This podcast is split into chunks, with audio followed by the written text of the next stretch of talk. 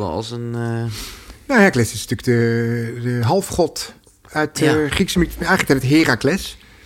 De- Ah. Uit de Griekse mythologie. Dus het is een... eh, een eh, het was natuurlijk een... een, een Zeus ging vreemd, ik weet niet meer, met Akmene volgens mij. En Hera werd heel boos. De toorn van Hera viel over hem heen. En toen heeft ze gezorgd dat hij zijn eigen gezin vermoordde. En toen waren de goden zo ontdaan dat hij... Hij kreeg dan twaalf opdrachten, of tien opdrachten. En als hij die had vervuld, dan was hij, zou hij goddelijk worden. dat is Hercules, ja. ja, ja En toen ja. heeft hij twee keer gesjoemeld met die opdrachten. En één keer bij het uitruien van de stal heeft hij hulp gehad. En toen kreeg hij voor straf nog twee opdrachten. En waarom denk jij, ik noem eh, mijn zoon Hercules? Nou, je- het was wat, hoe ga je dit zeggen? hey, Herkie. Nee, gewoon Hercules, ja. Ja, maar ja, roepnaam. Baby, baby Hercules. Baby Hercules. Ja, baby. Nee, ja, dit was een soort werktitel. Eh, We begonnen met... eh, eh, zo het vaak met kinderen. Ja, We begonnen met, jezus, wat een werk. Ben ik aan het bouwen. Met Merel, zei mijn vrouw. ja. En toen was het, ja, het lijkt wel of ik een Hercules maak. Ah. En toen zei een van die vrienden, is eigenlijk wel lachen naam. En toen gingen we online kijken. Toen bleek dat er nooit iemand Hercules wordt genoemd. Oh, dus het is ook een uitverkoren in dat opzicht. Ja, en wat wel geestig was, mijn oudste dochter die zei... Ja, pap, en dat kan je niet maken. Wat doe je een kind aan? En zie loop je op school, Hercules en de verwachtingen. En toen was ze... hij is nu een week oud. Toen Ja. was ze vorige week bij ons. En toen zei ze opeens, ja, maar pap, als hij dan 19 is en blond lang haar...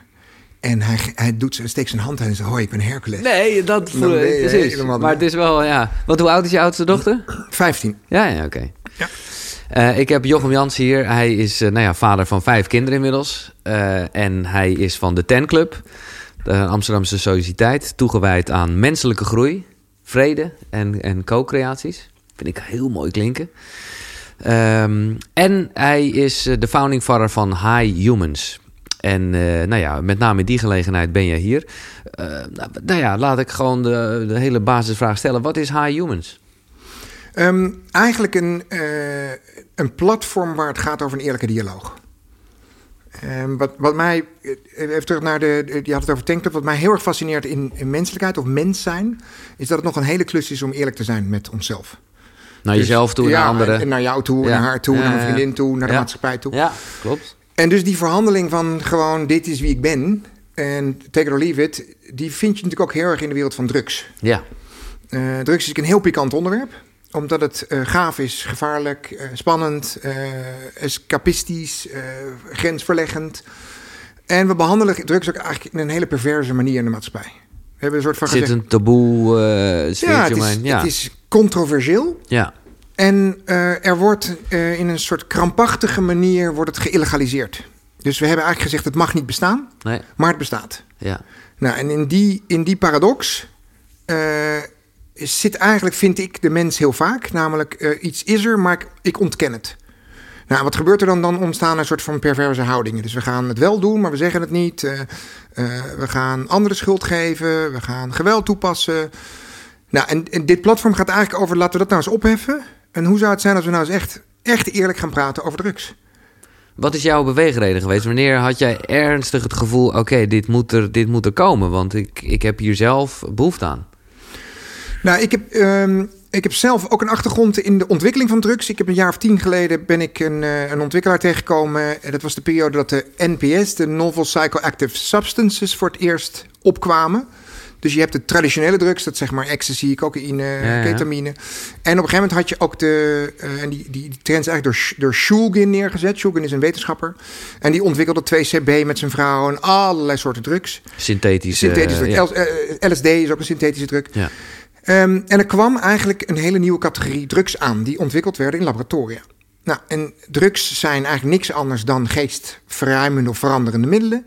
Eh, de, een van de softere is koffie. ja, Eh, hardere drugs, nou, kennen we allemaal. Alcohol is natuurlijk een eh, bekende drug. harddruk. Serieuze harddruk. Ja. Ehm, en het interessante van die ontwikkeling is dat er allemaal nieuwe soorten drugs aankwamen die losstonden van de farmaceutische industrie. Dus in de farmaceutische industrie wordt gezegd: je bent ziek en ik heb een drug voor je. Ja. Dat zou dus bijvoorbeeld bij als je ADHD hebt, krijg je Ritalin, dat is een psychoactief. Dus dat is een speedachtige. Nou, er zijn dus allerlei soorten eh, psychoactive-achtige materialen die worden toegepast in de farmaceutische wereld. Nou is het enge van de farmaceutische wereld dat ze natuurlijk iets claimen en dat ze ook ziektebeelden verzinnen.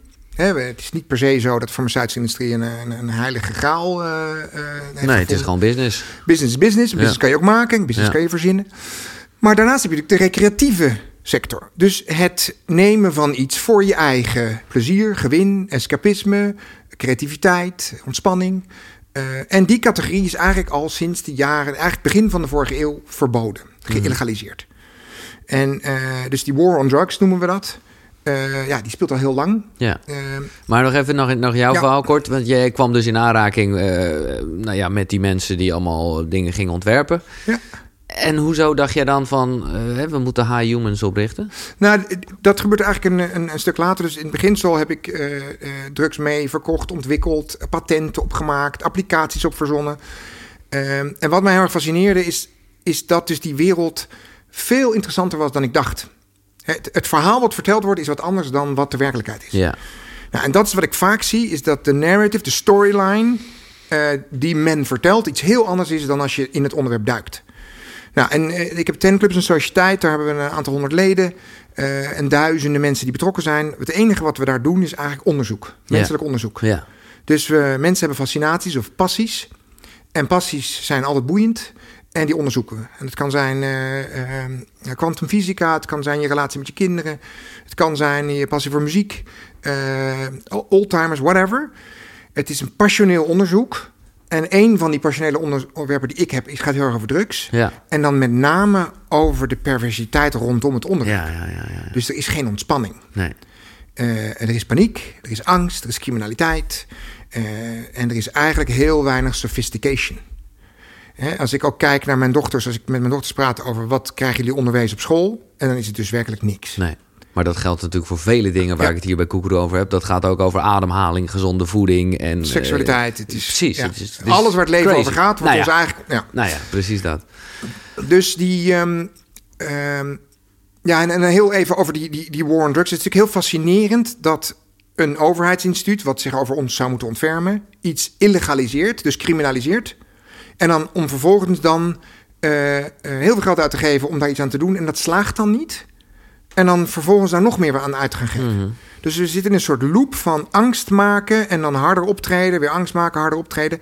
En ik wil die angstloop eigenlijk door, uh, doorknippen. Door het er gewoon over te hebben. Door gewoon is er wat, wat gebruik jij en hoe is dat? En wat zeggen je ouders ervan? En uh, mag je op werk wel überhaupt daarover hebben? Ja. Nou, ik denk dat het altijd goed is om dingen lucht te geven, hè? want dan, dan, dan hoeven ze niet in het sfeertje. Wat is eigenlijk het verschil tussen drugs en, en, en medicijn? Is dat gewoon op welke lijst het staat? Nou, je medicijnen hebben een aandoening, dus je bent ziek. Ja. En daar is dan goedkeuring voor gegeven. Ja. En die heet in Amerikaans, in het Engels ook drugs. Ja, ja, ja. Drugs is drugs. En alles wat, medisch, wat, wat, wat je tot je kan nemen, een effect heeft op een, eh, of een effect heeft op je lichaam, is een, is een drug. Maar dus je moet het onderscheid maken tussen recreatief, dat wat jij doet voor je eigen bestwil, voor je eigen plezier of je eigen onderzoek, en dat wat je neemt omdat je ziek bent. Ja, maar ik bedoel te zeggen, kijk, uh, veel uh, mensen zullen ook drugs gebruiken. Hè? En even voor de duidelijkheid, alcohol is ook drugs. En die gebruiken dat eigenlijk als een medicijn. Hè? Want ik ben onrustig in mijn hoofd. Ik uh, kan niet zo goed slapen. Ja, het is het heel slecht slaapmiddel. Maar ik denk wel dat mensen op die manier s s'avonds een wijntje bij het eten nemen. Dus dan, dan gebruik je het bijna als een soort medicijn. Ja, maar nu kom je eigenlijk bij de essentie. En dat is eigenlijk welk mensbeeld wil je hanteren? Wil je een mensbeeld hanteren waarbij we mensen helpen zichzelf te ontwikkelen, te groeien, uh, een beter en mooier leven te leiden?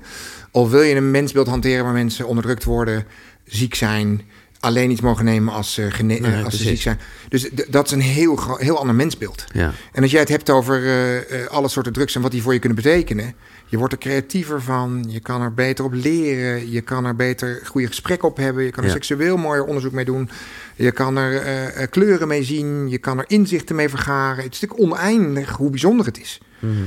Alleen als je, het, als je het niet zo behandelt, maar als een soort escapistisch probleem, van mensen nemen het omdat ze aan de afgrond zitten en daarom moeten we hard optreden. En dan maken ze het in drugslaboratoria stiekem en dan moeten we met ferme hand. Ja, dan kom je nooit aan de kwaliteit toe van drugs. Nee. Nee, oké, maar dan, dan, ja, ja, ja. Kijk, ergens denk ik dat de dingen die jij noemt, het is niet zo dat mensen het drugs nodig hebben, natuurlijk. Bedoel, je hoeft, hè, mijn, mijn, in, een van mijn affirmaties is, omdat ik gewoon zelf echt best wel een probleem heb gehad met blowen en zo. En dat, nou ja, dat, dat was een soort medicijn voor me. Als er onrust in mijn hoofd was, dan was dat het middel om dat te verdoven en om dat te laten liggen. Dus een van mijn affirmaties is, en dat vind ik een hele fijne, eh, je hoeft niks aan jezelf toe te voegen om meer jezelf te zijn. Ofwel, alles wat jij zegt met, met creatiever en dit, dit en dat, dat, is, dat zit natuurlijk in de basis, in de mens zelf. Daar hoef, je niet iets voor te gebruiken, toch? Ja, maar dat is zoiets als zeggen: ehm, eh, je kan alles ontdekken in je eigen woning, dus je hoeft nooit naar een ander land te reizen. Nee, Dus- mooi, dus mooi, mooi. weet mooi, je, mooi. je- nee, eh, oké. Maar jij zegt iets heel goeds, namelijk niks hoeft. Nee, En als niks meer hoeft, dan ontstaat vrij onderzoek. ja, En dit platform gaat over vrij onderzoek. ja, Ondaan van meningen over percepties, Ja. van eh, problemen. Nee, er is gewoon een categorie dingen in de wereld, die heet de drugs. ja, Die mag je onderzoeken of niet. ja. Die zijn bijzonder en gevaarlijk, ja. eh et cetera. Nou ja, laat duidelijk zijn. Ik heb je juist uitgenodigd omdat ik, omdat ik hier heel erg in geloof. En hè, de, de- zeker bijvoorbeeld de plantenmedicijnen komen regelmatig terug hier eh, in, in, in de gesprekken. En dan denk ik ook, oh ja, ben ik hier nou reclame aan het maken? Maar ik zeg er wel altijd bij, het hoeft zeker niet. Dat kan alleen wel luikjes openen en dat kan je in je persoonlijke groei helpen. Maar de andere kant van het verhaal is natuurlijk dat als we kijken naar die dingen die, eh, nou ja, soort van gelegaliseerd zijn, eh, tabak, alcohol, eh, ja, dat zijn wel grote problemen. Nou, Dus waar pleit, je, waar, waar, waar pleit jij voor als het gaat om de andere? Nou, laten we, alcohol. Ik, ehm, mijn moeder heeft, was verslaafd aan alcohol en slaappillen. Oké, ja. Beide Ja, kan je zo ophalen, Ja. overal. ja, Eh, de reden waarom mijn moeder verslaafd was, is omdat ze het leven niet goed aankon. Ja, dus het is escapisme. ja, Nou, en die loop is dramatisch, want alcohol eh, verdooft en slaappillen eh, nog eens een keer ook. erbovenop. Ja, precies. Ehm, de issue hier is natuurlijk niet dat middel. Want mijn moeder, toen ze aan het eind van haar leven... Mijn moeder heeft uiteindelijk zelfmoord gepleegd. Wat dramatisch is, maar, maar oké, het was prima. Ehm, maar ze nam op een gegeven moment alles maar tot zich... om nog maar escapisme te doen. Ze, eh, ze kwam dramatisch over. Ze nam op een gegeven moment eh, mondspoelmiddel, dronk ze op. whatever. Mijn punt is niet dat, dat alcohol dus niet gevaarlijk is. Want dat, is, dat kan gevaarlijk zijn. Ja. Maar mijn punt is meer dat we bewust willen zijn met, met onze verhandeling tot iets. Ja. We willen in vrijheid tot iets komen te staan. En dat kan pas als, als we neutraal naar een onderwerp mogen kijken. Want zodra het ofwel onderbelicht of overbelicht is, alcohol wordt onderbelicht. hè, want het Mhm. Het gevaar daarvan, bedoel je? super, Ja, super ja. onderbelicht. Ja. Ik heb hier een lijstje meegenomen van eh The Lancet over de meest gevaarlijke drugs op aarde. Ja, Ja, daar staat alcohol verreweg op één. ja, ja, ja. Dan heroïne, dan crack, dan en dan er, ergens helemaal onderaan komt ecstasy. ja. Een van de meest veilige drugs op aarde. Maar, Maar eh, want, want, want ik zal dit schemaatje ook voor de mensen die met beeld kijken even laten zien. Dit is wel ook dat ik dan zelf in ieder geval denk, maar ik weet niet hoe dit is opgebouwd. Dit is ook omdat alcohol gewoon eh, op elke hoek van de straat te koop is. Ik bedoel, hoe hoog zou ecstasy staan als dat bij diezelfde Nee, winkel te koop is? Deze tabel heeft eigenlijk gekeken naar geloof vijf, factor, vijf fout van factoren. Ja, Eén is schadelijkheid voor je lichaam zelf. Twee is afhankelijkheid, verslaving. Drie is je omgeving, wat voor invloed het daarop heeft. Vier is economisch, geloof ik, in welke mate het economisch effect heeft. Dus het heeft gekeken Ja, ja. Naar, naar je hele huishouden. Dat staat nog onafhankelijk van beschikbaarheid. oké, oké. Ja. En alcohol is natuurlijk, weet je, laten we eerlijk zijn, eh, even wat drinken elke dag gaat super chill. Nou, ik moet zeggen, ik was best wel geschokt eigenlijk dat er laatst in Nederland een soort eh, Jan Modaal werd geschetst. Met hè, het gemiddelde van alles en eh, dat hij geen komkommer in zijn ijskast heeft en dat is op zich nog leuke dingen. Maar ook dat Jan Modaal elke dag een biertje drinkt. En ik dacht, wauw, als dat het gemiddelde is, ja, dat is voor iemand als ik die gewoon niet drinkt, is dat, vind ik dat, en zo zijn er vele mensen, dan weet je dus gewoon dat er heel veel mensen wel een paar biertjes per dag drinken, om, dat, eh, om op dat gemiddelde te komen. Ja, men zegt ook wel dat dat de opiumpomp is voor het volk. Ja, We zitten met z'n allen permanent aan de alcohol. Ja. Op elke hoek zit een gouden Ja. Maar tegelijkertijd, ik bedoel, dat, eh, ja, je kan twee kanten op in dit verhaal. Aan de ene kant is dat inderdaad onderbelicht, de gevaren daarvan. Nou ja, zie hier jouw, jouw eh, tabelletje dat het gewoon echt een harddrugs is.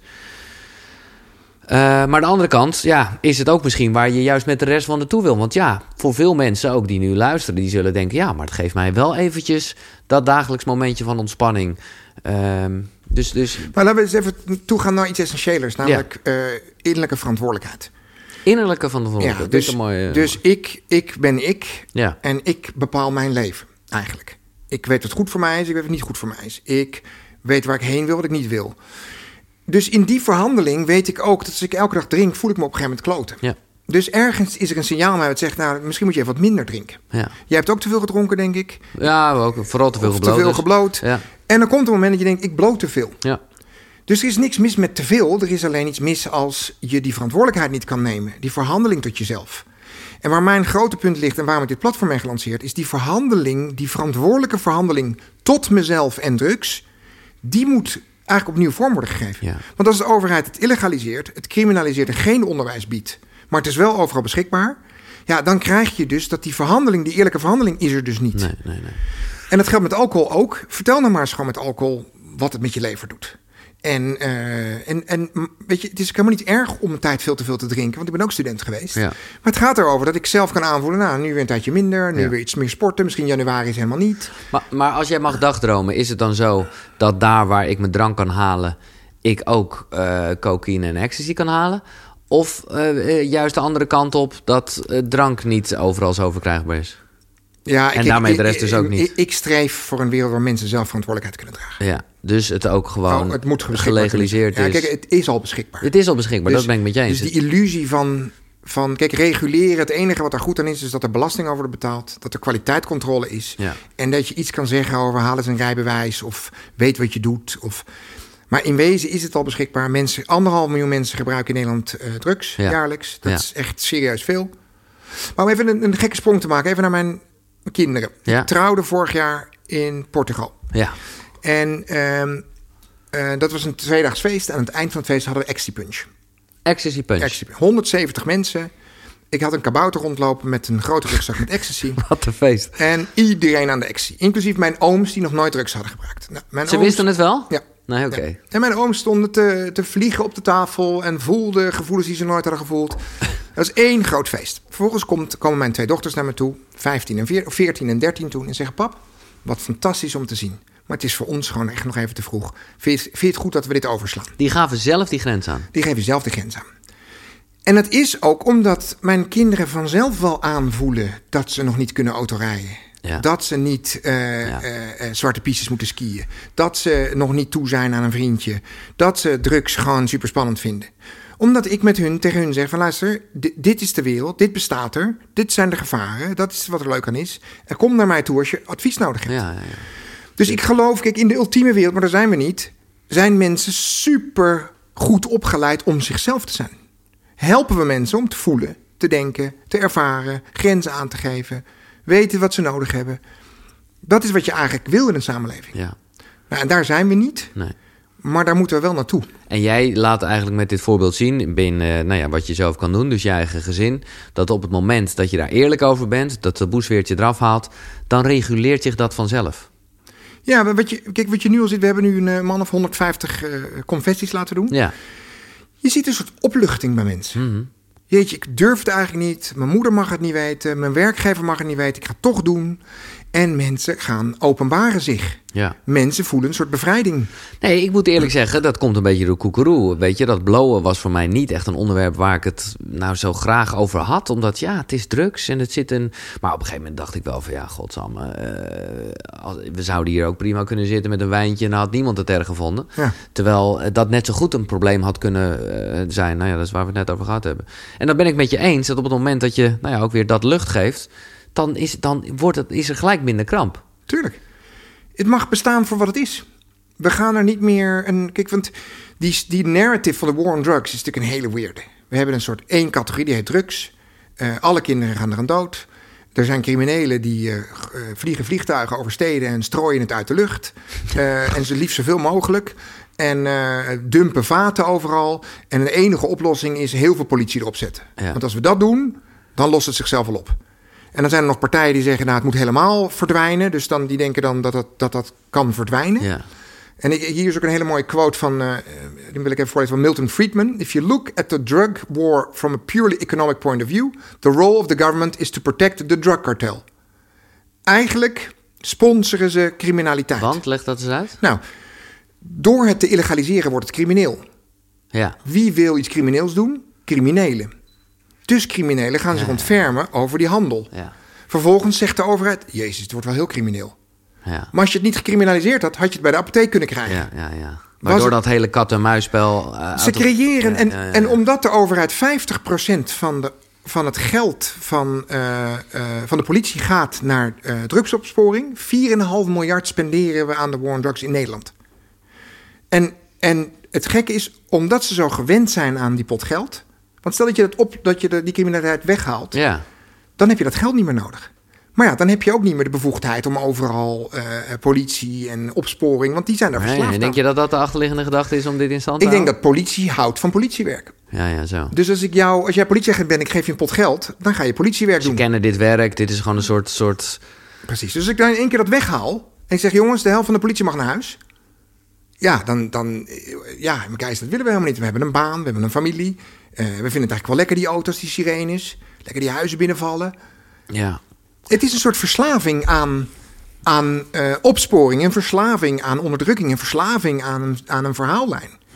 En dat platform, wat ik hoop natuurlijk, is dat straks bekende Nederlanders mee gaan doen. En mensen die, eh, die neurologen zijn en die fatsoenlijke banen hebben. En dat, dat, er een, dat er een ontspannen narrative gaat komen. En dat dan gezegd kan worden, guys, laten we die 4,5 miljard besparen. En laten we die aan bomen geven. Ja. Maar goed, we zitten, dat hoef ik jou niet uit te leggen, in dat opzicht in een vreselijke tijd lijkt het wel. Of misschien is het ook eventjes een, een, een nou ja, hoe zeg je dat, verkramping voordat di- voordat eh, dit, dit utopische eh, gaat plaatsvinden. Maar daar waar wij vroeger als Nederland zijnde best wel vooruitstrevend waren, hè, met ons koffieshopbeleid en andere landen die keken van holy shit, het is helemaal daar. Hè, want dan, eh, dat weet ik nog wel, dat het softdrugsprobleem, om het zo maar te zeggen, was in ons land kleiner dan dat eh, in ons omringende landen. Terwijl het hier gelegaliseerd was. Hè? Maar in Frankrijk en Duitsland was het een veel groter probleem. Omdat, nou ja, eh, precies wat jij zegt, het zit in het criminele circuit. Maar ja, nu, we lopen gewoon achteraan. We zijn in regressie. We zijn, nou ja, ja, We zijn echt in regressie. Ja. Maar dat zie je natuurlijk met alles. En we zitten natuurlijk in een, we zitten natuurlijk in een populistische catch-22. Dus wa- wat er aan de hand is, we hebben populistische politici... die willen graag doen wat het volk wil... maar tegelijkertijd gebruiken ze veel angst als middel om het volk te beïnvloeden. Dus je, je creëert angst rondom drugs. Ja. Dan vervolgens zeggen de moeders van kinderen, doe iets... illegaliseer dat. En dan zeggen ze, oké, dan moeten we dus harder optreden. En in die loop komen we dus, want er is geen visie. Want niemand durft te zeggen, ja, maar Gijs, dit werkt niet. Of eh, laten we een andere aanpak nemen. Of eh, hoe zou het zijn als we met ecstasy gaan experimenteren? Of eh et cetera. Nou, daar is bijna geen stem voor. nee. En dat is voornamelijk omdat we, omdat we subjectief in de maatschappij heel bang geworden zijn. Maar hoe komt dat? Want, want, want nou ja, nogmaals, ik weet niet of jij dat weet. Ik, ik zou namelijk niet zo snel kunnen duiden. Het is niet ineens dat er andere politieke partijen aan de macht zijn. Weet je, dit beleid is gewoon ingezet in de jaren 60, 70. Eh, nou ja, de coffeeshops Nou- kregen we. En toen, oké, toen is het, was het altijd een beetje dat dubieuze, vage gedoogbeleid. Nou ja, daar zijn we door notabene Amerika veto ingehaald. Nou ja, kijk, dat is heel geestig. De staat Oregon in de United States heeft nu heroïne, ecstasy, coke, alles in kleine hoeveelheden gelegaliseerd. Dus mag je gewoon hebben. Ja, De staat Colorado, ik geloof dat heel Amerika nu wiet gaat legaliseren. ja. Ze verdienen miljarden en miljarden met belastingen op de wiet. overheid, precies. En wij komen aan met toeristen Ja. weren uit coffeeshops. Maar heb je enig idee hoe... hoe- Nou ja, ik heb wel een idee. En dat heeft te maken met, ehm, met neoliberalisme. Ehm, vanaf de jaren tachtig... Kijk, er- zijn twee essentiële problemen in de maatschappij. Eén is het materialistisch denkbeeld. Namelijk, we geloven niet meer in magie. Dus we, er is geen mystiek idee Nee, over nee, het universum. nee. Dus we hebben geen geloof in iets. Dus we zijn heel erg gaan geloven in geld en materiële assets en wetenschap, pseudowetenschap. Je ziet het met corona ook. We volgen de meest bizarre wetenschappelijke oplossingen met lockdowns en dingen. Eh, het gaat ten koste van iedereen's vrijheid en geluk, en, maar het moet zo. En dat is eigenlijk omdat er geen vertrouwen is in een groter idee. Er is geen visie. Nou, in dat idee eh, dus het gebrek aan geloof in iets groters, kom je in een soort eh, zinloosheid. Je namelijk, als er niks groters is en dit is het, en de hele dag gaat het over geld en spulletjes, Dan, dan ja, raak je niet vervuld. Dus we zijn in Nederland heel onvervuld. Dus we hebben geen leuk werk, we mogen niet meer feesten, we mogen niet meer vrijen, we mogen geen drugs meer nemen. En, en, die, en die cyclus wordt alsmaar erger. En die wordt zo groot tot we in een serieuze depressie gaan komen. En die depressie die is eigenlijk al voelbaar. Als ik mijn kinderen zie, die zijn volledig, die mogen geen kinderen meer zien, die mogen niet meer uit, die mogen... Dus het idee dat je dus het geluk van de mens mag afpakken eh, kan alleen voortkomen als je geen droom hebt over wat het is om een mooi leven te hebben. Dus jij zegt eigenlijk, er komen steeds meer regels om maar een soort van schijncontrole te hebben. Ja, ja, ja. Terwijl er eigenlijk, kijk, in een mystiek idee van dit universum, als we even kijken naar het universum, Ja. ja, we snappen er geen reet van. Sorry dat woord, Nee, maar dat is eigenlijk wat het is. Ehm, het is magischer dan magisch. ja. En je ziet ook dat alle echt, echt geavanceerde wetenschappers, dus kwantumfysica-experts en eh, eh, wiskundigen, zeggen eigenlijk: hoe verder ik de reden hanteer, hoe verder ik de wetenschap hanteer, hoe meer ik uitkom dat ik het echt niet weet. Nee. Het is zo bizar. Ja, of, of ze hebben gewoon wel een verklaring voor iets moois en spiritueels. Namelijk alles is liefde, is energie, is licht. eh, Bijvoorbeeld. Maar daar zijn we vies van, want we hebben natuurlijk gewoon heel veel van ons geloof verlaten. We zijn uit de katholieke kerk gestapt. We, zijn uit, hè, we, we zijn uit de kleine gemeenschappen gestapt. En we zijn eigenlijk aangekomen bij een heel angstig mensbeeld. Namelijk, we weten niet meer waar we horen. We weten niet meer waarvoor we het doen. We hebben ongelooflijk veel geld, maar waar besteden we het aan? ja. We zijn een hele dag aan het polariseren. Nou, en in dat idee is dus regels, straf en paniek is eigenlijk een, een norm geworden. Dus je ziet ook in bijna iedereen's eh, eh, politieke beeld... is het gewoon nog harder drugs aanpakken. Ja, ja. Helemaal, het moet helemaal weg. Eh, de jeugd gaat eraan kapot. Terwijl als je de jeugd spreekt... mijn dochter van 15, iedereen op school gebruikt al drugs. Ja. Ketamine, ecstasy, wiet... En er is geen educatie. Nee. En ze praten er niet over met hun ouders. Nee, precies. Maar even, hè, want daar is, is natuurlijk recent, eh, of nou, inmiddels al een paar jaar, hè, met alcohol wel het een en ander veranderd als het gaat om die minimumleeftijd. Eh, en als ik dan denk aan, nou ja, wat je zegt, jouw dochter en gewoon de jeugd. Ik bedoel, drugs is wel gewoon slecht voor kinderen, toch? Ja, dat is een goede vraag. Daar moet ik echt even nadenken. Ik, ehm, ik, ik, denk dat als een jongeling veel drugs neemt, dat dat zeker niet goed is. Nee, Hè, of de alcohol, eh, ik denk dat wiet overigens nog een van de meest problematische dat is. geloof ik ook, ja. Ehm, dus ik ben er zelf ook geen voorstander van. Nee. Ik ben alleen heel erg van mening dat je het niet in de hand hebt. Nee, dat Jij het, het bepaalt gebeurt. Nee, niet true. wat. En hoe meer ik zeg je mag niet, hoe meer ze gaan gebruiken. Ja, maar dat ben ik in zoverre niet met je eens. Dat als je kijkt naar alcohol, dan is daar door de regelgeving wel degelijk. En natuurlijk zijn er nog steeds. eh, hè, zal je als je 16 bent wel een biertje drinken. En, en, hè, maar het is wel opgeschoven. Gewoon omdat het. Nou ja, omdat het gewoon toch een beetje Nou ja, ik verboden ben is ook heel erg voorstander van reguleren. Ja, Ik ben heel erg voorstander van probeer eh, eh, mensen te helpen er niet te snel of te makkelijk toegang tot te krijgen. Maar kijk, de, de, uiteindelijk blijft mijn idee van een, een, een, een kind wat weet wat het aan kan, ja. blijft de weg. ja, maar goed, een kind weet niet wat hij aan kan. Plus het feit dat gewoon heel feitelijk gezien. Ja, ik ben geen. eh, nou ja, maar mijn anekdote net, het is Ja. misschien dan mijn anekdote, maar ik geloof daar wel in. ja. Ik geloof echt dat kinderen eh, heel goed kunnen aangeven waar een grens. En natuurlijk, Ja, we moeten ook ons ontfermen over hen die het niet aankunnen. Ja. En waar het wel eh, fout gaat. Nou ja, en ik ben gewoon een beetje bang in het hele narratief van wat jij net schetst over de angst waarin we zitten. Dat het, eh, nou, dat het, ja, dat vanuit het escape eh, gehalte mensen er nu, zeker die op dit moment waar we in zitten, ja, misschien wel slechter mee kunnen omgaan dan in wat ontspannendere tijden. Ja, je ziet ook met corona dat er een aanzienlijke toename is. Precies. Eens. Precies. Maar nogmaals, het is overal beschikbaar. Ja, En ze zijn inderdaad minder op de alcohol, maar ze zijn naar andere drugs gegaan. ja, Want die zijn leuker. Alcohol is niet zo'n hele leuke druk voor een jongeling. nee, Het is veel gaver aan de ketamine. ja. Ja, het is gewoon een veel vettere ervaring. Dus, dus ik, we moeten erkennen dat na 100 jaar war on drugs... dat meer mensen dan ooit gebruiken, dat het goedkoper is dan ooit... en dat we minder voorlichting hebben dan ooit. Ja. Nee, ik weet vroeger, dat is, op een gegeven moment werd dat verboden. Ik weet nog, hè, toen de eerste houseparties kwamen, kon je daar gewoon je drugs laten testen. Ja, nou, ik vond dat echt goed, want, want daardoor waren, de- weet je, we- de- ja, de- daardoor gebeurden er minder ongelukken, was gewoon een stuk begeleiding. En dat, nou ja, was ook weer dat we inderdaad terug in de tijd zijn gegaan. Ja, weer die, die regressie. Ja, Dus kijk, daarom ook zo'n platform. Ik, eh, eh, vanuit Tankclub bouwen we dit platform. Ik wil ook een platform rondom seksualiteit gaan bouwen. Ja. Ook er eentje rondom geld. Ik Ja. zou wel eens een platform willen eh, bouwen wat gaat over gewoon geven van geld aan elkaar. mooi. Zonder te verrekenen.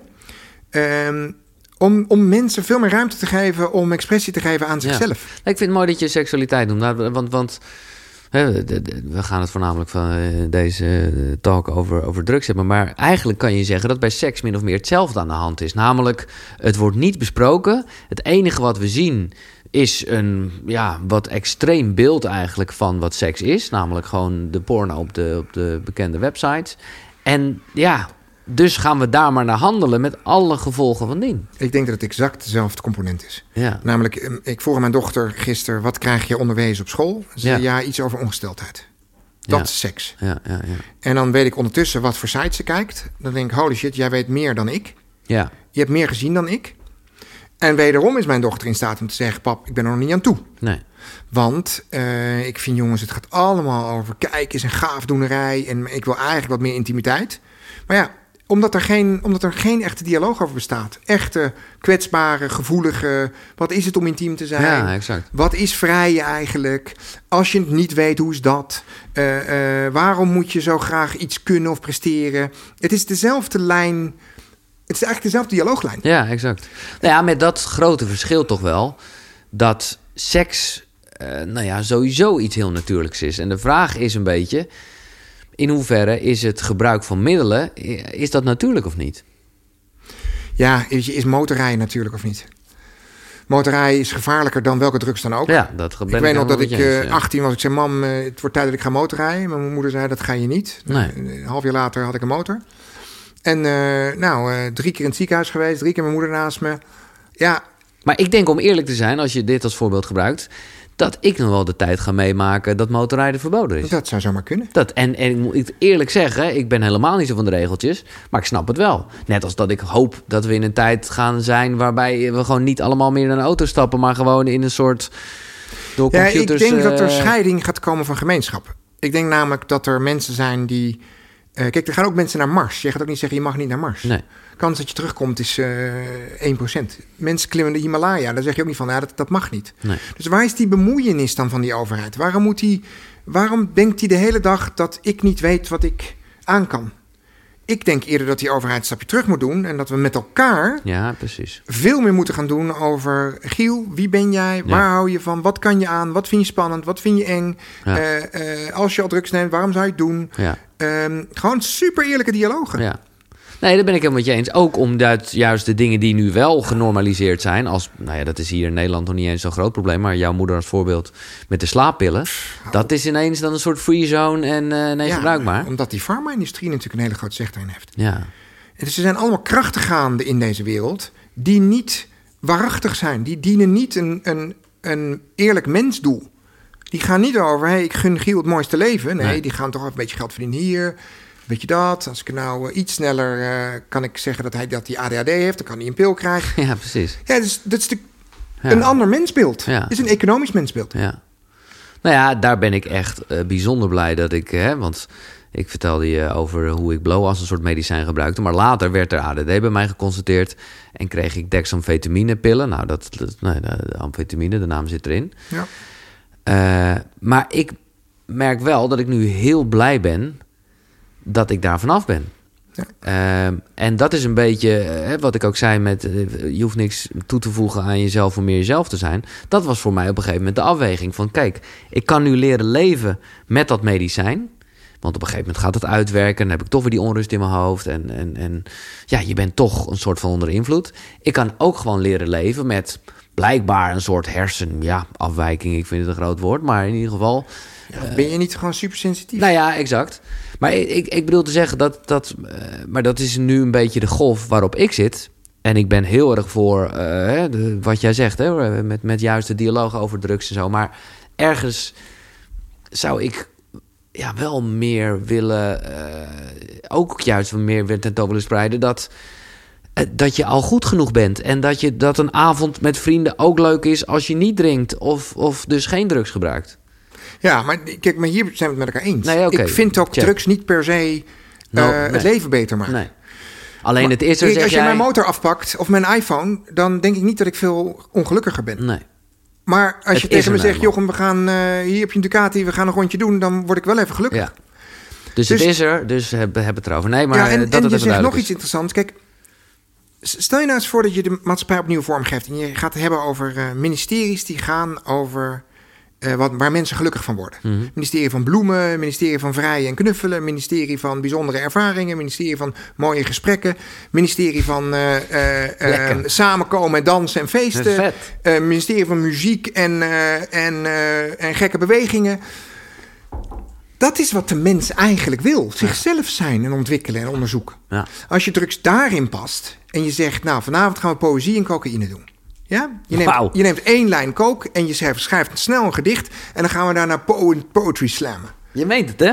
Ja. Ja, ja. Of we doen... eh, eh, Maar maak je het dan niet te, te, te- dat, dat bijna mensen die er normaal gesproken eh, echt niet in geïnteresseerd waren, dan nu denken, nou ja, oké, we doen het maar. Net zoals dat alcohol echt wel veel mensen zijn gaan drinken, omdat het nu eenmaal erbij hoort. Nou ja, d- daar zit zeker een gevaar aan. Ja. Maar omdat ik een wereld voorsta die veel bewuster is... ben ik van mening dat we door dit stuk heen moeten... Ja. Nee, om precies. daar te komen. Want als ik er niet er doorheen ga... dan blijven we dus in regressie... Ja. en dan blijven we de rest van ons leven in een soort grapperhouse lockdown. ja, en dan ben Gewoon je... dus- een, ja. een nep lockdown bedoel je eigenlijk? Nou ja, Een- ik, een- ik zag net weer een afkondiging van al- als een man eh onheuse bewegingen naar een vrouw maakt en de vrouw vindt dat, dan krijgt hij, kan hij tot negen maanden Ja, gevangenisstraf ja. krijgen. Ik denk, ja, dus onze minister van Justitie gaat al bepalen. Ja, ja, ja. Ik durf geen meisje meer gedachten te zeggen zometeen. Ja, ik, eh, ik zit gewoon heel erg aan de groene thee. Wat ook natuurlijk, ik bedoel, ja, ik geef jou weer een koffietje erbij. Eh, dat zijn allemaal natuurlijk stimulerende middelen. Eens. Ja, toch? Ik denk dat dat is, dat is ook een beetje waar jij voor pleit. Laten we niet, laten we niet net doen alsof dat geen stimulerende middelen zijn. Hè? Dus eh, nou ja, tabak, alcohol zo genoemd. Maar ook dus gewoon koffie. En ook groene thee ergens. Ja, maak Chocola eens, zou je maak eens een matrix van alle spullen die iets met je doen. Ja, En suiker. Van, ja, ja, en nee. van, van heel erg heftig tot een klein beetje, tot, tot eh, subtiel, tot... Weet je, dit zijn oneindig veel stoffen die iets met je doen. En volgens mij willen we ook dat het leven iets met ons doet. Ja. Nou ja, precies. Want, want nou ja, ik geef jou nu een koffie. eh, ik zelf drink groene thee. En los van het feit dat ik er veel van ga plassen, omdat ik gewoon veel van drink. Ja, hoe je het bent of keert, dat geeft me een stukje energy. Heerlijk. Het geeft me een soort scherpte in mijn hoofd. Eh, sporten ook. Ja, Als ik sport, komen de stoffen vrij. ja. Dus eh, volgens mij moet het veel, veel genuanceerder gaan zien. En moeten we, weet je, een mooi glas wijn en een stuk rode vlees, krijg je, word je high van. Mhm. Ja, en, en opeens in de categorie van eh, zeg maar cannabis, actie, opeens daar Ja. is het opeens heel Ja. gevaarlijk. Ja. Nee, ik moest er nog aan denken, omdat ik gisteren... Ik, ik dacht een beetje na over dit gesprek, omdat ik het gewoon een fascinerend onderwerp vind. En ik was gisteren bij een vriend en dan deden we even een heftige ademhalingsoefening... eh, voordat we in de Amstel sprongen. Eh, dus gewoon ontzettend koud. Maar daar, daar- ja, nou ja, als het gaat over natural high... zeker ook door die ademhalingsoefening... Dat je ook denkt, ja, en ik kreeg toch echt wel weer flashbacks naar notabene mijn ayahuasca eh, ritueel ceremonie die ik heb meegemaakt. Dus ja, ik ben het helemaal met je eens. Die grenzen, die lopen zo door elkaar. Ja, dus waarom zijn we vergeten om iets te zien zoals het is? Ja. Gewoon neutraal. Waarom eh, eh, willen we niet gewoon nieuwsgierig zijn naar iets? Ja. Waarom hebben we het eigenlijk al verdoemd? Nou ja, ik denk wel door, door, door schade en schande en door veel gedoe natuurlijk ook daarmee, weet je. Dat is natuurlijk, eh, laten we niet net doen alsof er niet heel veel problematiek ook aan hangt.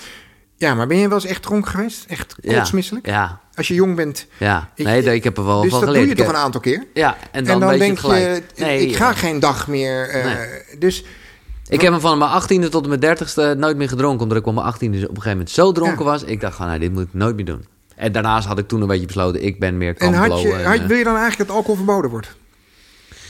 Nee, maar ik zou eh, wel willen dat het minder eh, vanzelfsprekend is.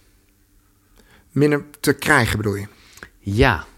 En ik blijf het gewoon altijd nog gek vinden dat op het moment dat ik ergens te gast ben geweest bij een televisieprogramma of zo, dat ik dan drugs meekrijg als dank voordat ik er was. Oh, een fles drank. ja, ja.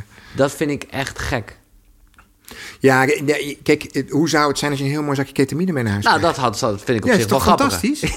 En dat er gewoon één Ja. nakje. Ja, Maar wat dacht je ervan als we straks in ouderen tehuizen, ja? Die mensen zijn zielsongelukkig en eenzaam. Elke vrijdag Ja. is het cocaïnedag en elke woensdag is het ecstasy-dag. ja, die ouderen die hebben de mooiste tijd van hun leven. We gooien wat kinderen erbij, heel veel bloemen en wat muziek. En die mensen komen de laatste fase van hun leven is het één groot feest. Ik denk sowieso dat dat meer gaat gebeuren. Want, want de bejaarden van nu en zeker die van over een tijdje, die zijn hier ook mee oud. Of eh, ja, die zijn er oud mee geworden. Ja, tuurlijk. Ja. maar hoe, Ja. en, en het gaat eigenlijk ook over wanneer pas ik het toe? Hoeveel neem ik ervan? Waarom doe ik het? Het gaat over bewustzijn. ja. En volgens mij heb jij het over dat onbewuste naar een fles drank kunnen graaien en dan laveloos worden en dat verkeer op keer Nee, weer. en voor de goede orde, want nu klink ik heel anti-drugs. En dat ben ik zeker niet, maar ik, we zijn het eens. Daarom eh, vind ik het fijn om het hierover te hebben. Terwijl ik echt wel weet dat veel mensen gaan hun haren recht overeind staan. Terwijl als je logisch nadenkt, dan weten we allemaal... Nogmaals, dan neem ik het juist weer voor alcohol op. Maar ook zeker bijvoorbeeld voor de, voor de ayahuasca. Of, of het, het, het, het kan ook bepaalde ja, hoe zeg je dat? Bepaalde eh, lijnen in je hersenen even connecten. Dat je ineens daarna weet of gewoon iets beter snapt. Omdat je even een bepaalde rem Je hebt hebt ayahuasca weggehaald. gedaan, toch? Ja, Ja, die, die- die is toch onvoorstelbaar? dat is, dat is waanzinnig. Onvoorstelbaar. Ja. En ik bedoel, ik ben de eerste die zegt: hey, ik had ook gewoon maandenlang intens kunnen mediteren. En dan had ik echt dezelfde inzichten misschien wel gehad. Weet ik niet. Maar ik bedoel te zeggen, het is een soort shortcut. Dus ik zeg zeker niet dat het nodig is. Maar ik zeg wel dat het een shortcut is. En dat het dus mij heel veel gegeven heeft. En niet dat ik nu niet eens de behoefte heb om elke dag ayahuasca te gaan gebruiken. Zeker niet zelfs. Nee, maar het is ook niet een druk die. Kijk, Nee. kijk eh, net als ecstasy bijvoorbeeld. Ecstasy neem je. Daar kan je niet verslaafd aan raken, want na twee dagen ben je, heb je een beetje down. Dan heb je Ja. je serotonine op. Eh, het weet, men weet ook dat men er niet echt aan verslaafd raakt. Het is niet gevaarlijk. Ehm, eh, en het Nee. geeft een happy gevoel. Dus men is op die lijst van drugs die hier staat, is het ook nummer 18 of zo. Ja, maar ik weet wel, als ik naar mezelf kijk... en ik ben gewoon echt een verslavingsgevoelige gast... laat ik dat eh, vooropstellen... dat als ik dan... Hè, want ik durfde dat nooit in Nederland te gebruiken... want ja, ik ben een bekend pipootje... dus wat zullen de mensen wel niet van zeggen? Misschien eh, schiet ik wel uit de ban. Nou, allemaal dingen waarvan ik nu denk... ja, maar, maar waar ben je bang voor? Maar goed, dat was ik toen wel.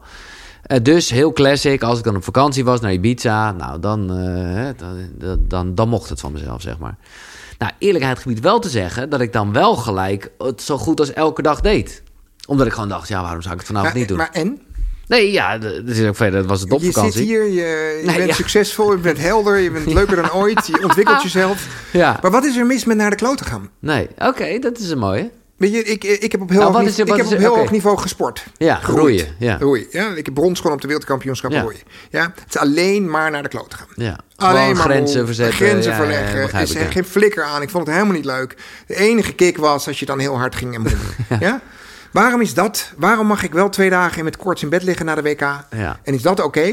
Maar Ja. mag ik niet eens een keer eh, helemaal naar de Jenkert gaan op, eh, op iets? En jij zegt grenzen verzetten, zeg jij, of verleggen, dat is waar, dat is juist wat mensen moeten doen. Nee, het is niet iedereen. Dat is aan Nee. jou. Ja. Er is, er is nog iets wat ik, wat ik wil aan. We hebben het net over die ander. Mhm. Maar die ander bestaat helemaal Nee, niet. het gaat eh, Het, is zijn, het zijn wij zelf. Dus we, wat wij net doen, we zijn bang voor die substanties. En gaan ons dan bemoeien met de ander. Ja, ja, dat is wel waar. Maar wat weet je nou van die ander? Ja. Waarom zou ik me gaan bemoeien met Giel? Ja, en, ja, ja. Zou ik gaan Houd zeggen, lekker Giel, jij jezelf. mag geen Ja, eh, wiet nee, meer. En thee, die groene thee moet je mee stoppen, Giel. Dat is echt niet oké. Je drinkt er een liter van per dag. En dan gaan alle zout uit je lichaam. En ik zie het ook aan je haar. Waar is mijn Nee, bemoeizucht voor Ja, nodig? Ik, als jij zegt, eh, kan, ik iets voor je, als ik- kan ik iets voor je doen of zo? Drink je te veel thee? Nou, dan kan jij zeggen, ja, wil je me helpen minder thee te drinken? nee. Dus, dus het, ik, nogmaals, ik kom terug bij de essentie. Ik wil namelijk dat mensen bewuster een verhandeling hebben met zichzelf. En daar hoort ook avontuur, experiment, onderzoek, nieuwsgierigheid, eh, gekke ervaringen. In alle opzichten en dus ook Juist. Ja, ja, ja. Want of ik nou door Tibet heen reis met een rugzak, met een shamaan en, eh, en daar gekke dingen doe, of een trip ayahuasca neem, of poëzie en cocaïne, het kunnen allemaal hele bijzondere ervaringen zijn. Ja, Wat we willen voorkomen is escapisme. ja. Of dramatiek erin, of verslaving. Maar Ja. dat doe je alleen als een mens zich goed verhandelt tot zichzelf. En dus die verhandeling, dat platform wil het gaan hebben over... hey Giel, vertel jij nou eens jouw verhaal. En niet, eh, ik ben Giel, ik ga eens even wat over Jochem zeggen. Nee. Ik heb Jochem een tijdje aangezien, maar hij drinkt dus een fles Sambuca per twee weken. Ja, het is echt een probleem. Sambuca moet verboden worden. Weet je Is wat? dit, is, dit, is dit waar? Drink jij een fles? nou ja, eh, de, dat ik heb een hele tijd heel veel Sambuca gedronken. Oké. Dat is mijn favoriete druk. Oh, wauw. Maar ik drink nu even wat minder. Nou, Ik heb een zoon, dus... je bent net vader geworden, ja. Nou ja, ik vind- ben wel even benieuwd. Gewoon, nou ja, eh, eh, laten wij eh, de, de high humans ook hier gewoon even echt daadwerkelijk doen. En, en ja, confessie klinkt dan eigenlijk bijna toch als een biechtstoel, moet ik zeggen. Terwijl, ja, daar zit al bijna een schuld in. Maar ik snap dat het goed bedoeld is, gewoon het erover hebben. Nou, men, de essentie is, men voelt zich ook ongemakkelijk. Ja, Dus het is ook echt een confessie. ja dat nu, we leven nog in een tijd dat het zo is. Maar, eh, dus dat het, eh, maar wat, eh, bijvoorbeeld ayahuasca, is dat iets wat jij ook hebt gedaan? Ja. Wat Ja. zijn, oké, laat ik de vraag wat opener stellen. Wat zijn jouw all-time favorite? Ja, het Sambuca ja, vind ik werkelijk weergaloos. ja, Dus ik kan aan de avond rode wijn aan Sambuca drinken, dan, maar ik word dan een beetje vervelend. ja, oké. Ik word vrij drammerig. Ja, Dus ik vind ayahuasca heel bijzonder. ja. Wat Ik- heeft dat jou gegeven? Kan je dat zo zeggen? Nou ja, ik, ik, ik kwam in een soort verhandeling met eh, demonen of donkere stukken van mezelf. Ik ging meer zien van de, van de schoonheid van het universum. Ik zag opeens Ja. eh, de gulden regen, zag ik Ja, overal die verhoudingen. Eh, ik had respect voor, ik zag trillingen, muziek als trillingen in mijn lichaam. Ja. Ehm, ja, het is gewoon een ervaring die... Het is ook niet alleen maar gemakkelijk. Het Nee, is het is een beetje een vieze ervaring. Ja, ja, ja, heel Een heftig, beetje misselijkmakend. Ehm, ik heb kambo gedaan. Oh ja, Ja, ik Dat vond dan een is ontgiftigend. dat is zo van die kikkershit, toch? Ja, en ja. Dan, wa- gaat- dan gaat, bedoel, bij ayahuasca hoeft ik niet per se over, of niet over te geven. Maar bij Cambo gaat, dat kan je het niet stoppen, toch? Dan loopt het overal uit. eh, Ja, je moet overgeven. Je, ik zwel helemaal op. Ik heb zulke eh, hele grote lippen. ja. Eh, overgeven, ongemak. Ja, het is, het is niet fijn. Het is niet fijn, maar het is Nee. gewoon een soort ontgifting, toch? Het is ontgifting. Ja. Ja.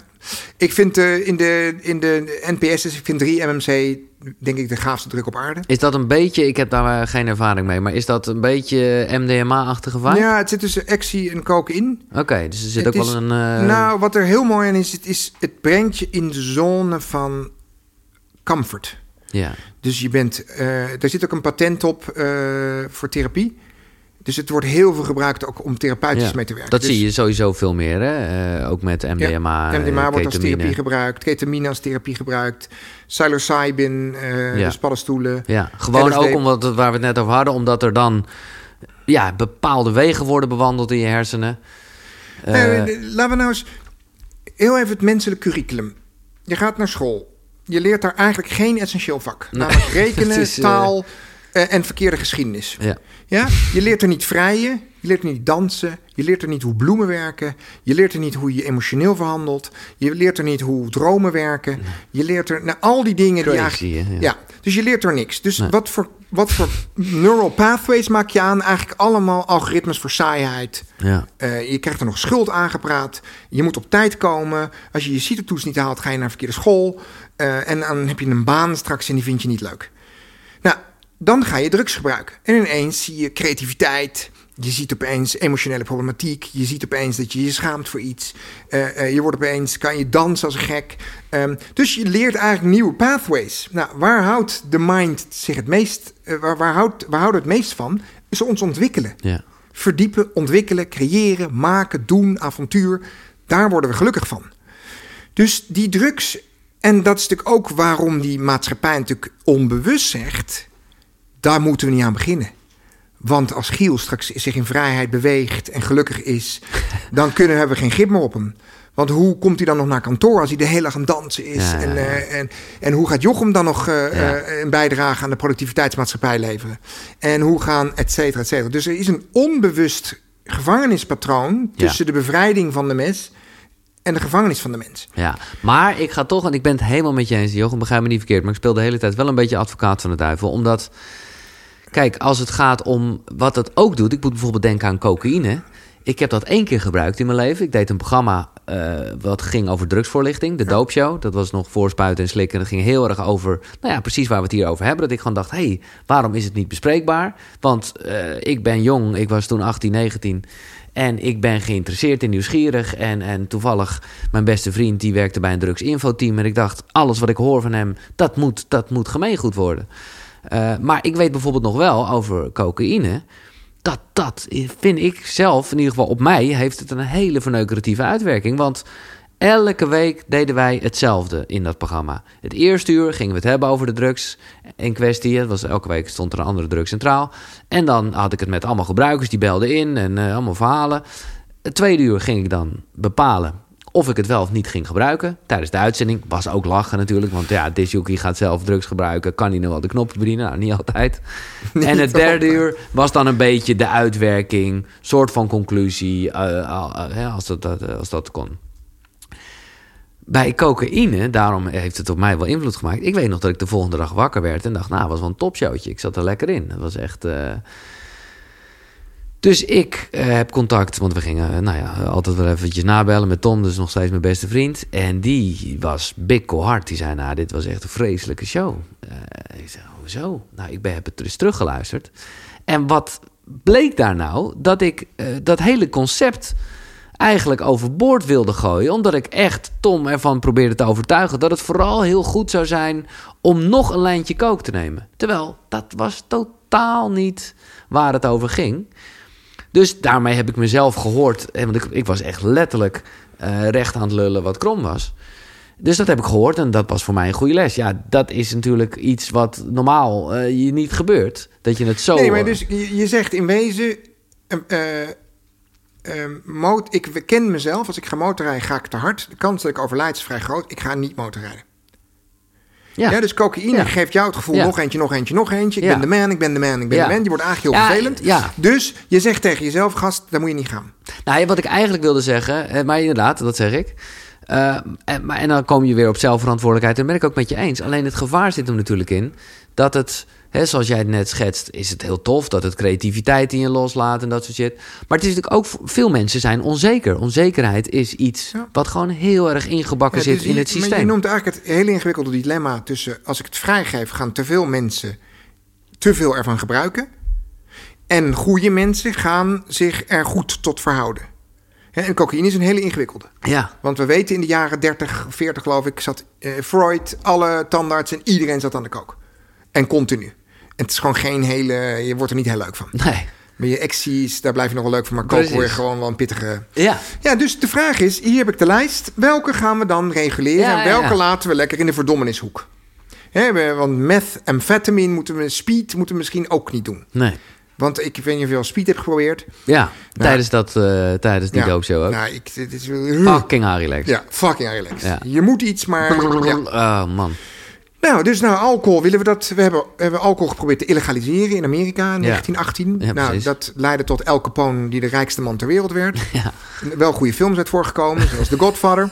nou, heroïne, ehm, daarvan weet men dat eh, het eigenlijk ehm, kan verslavend zijn voor specifieke type mensen. Heb jij wel eens heroïne gebruikt? Ik heb wel eens opium gebruikt, wat Oké. natuurlijk uit diezelfde hoek komt. Ja.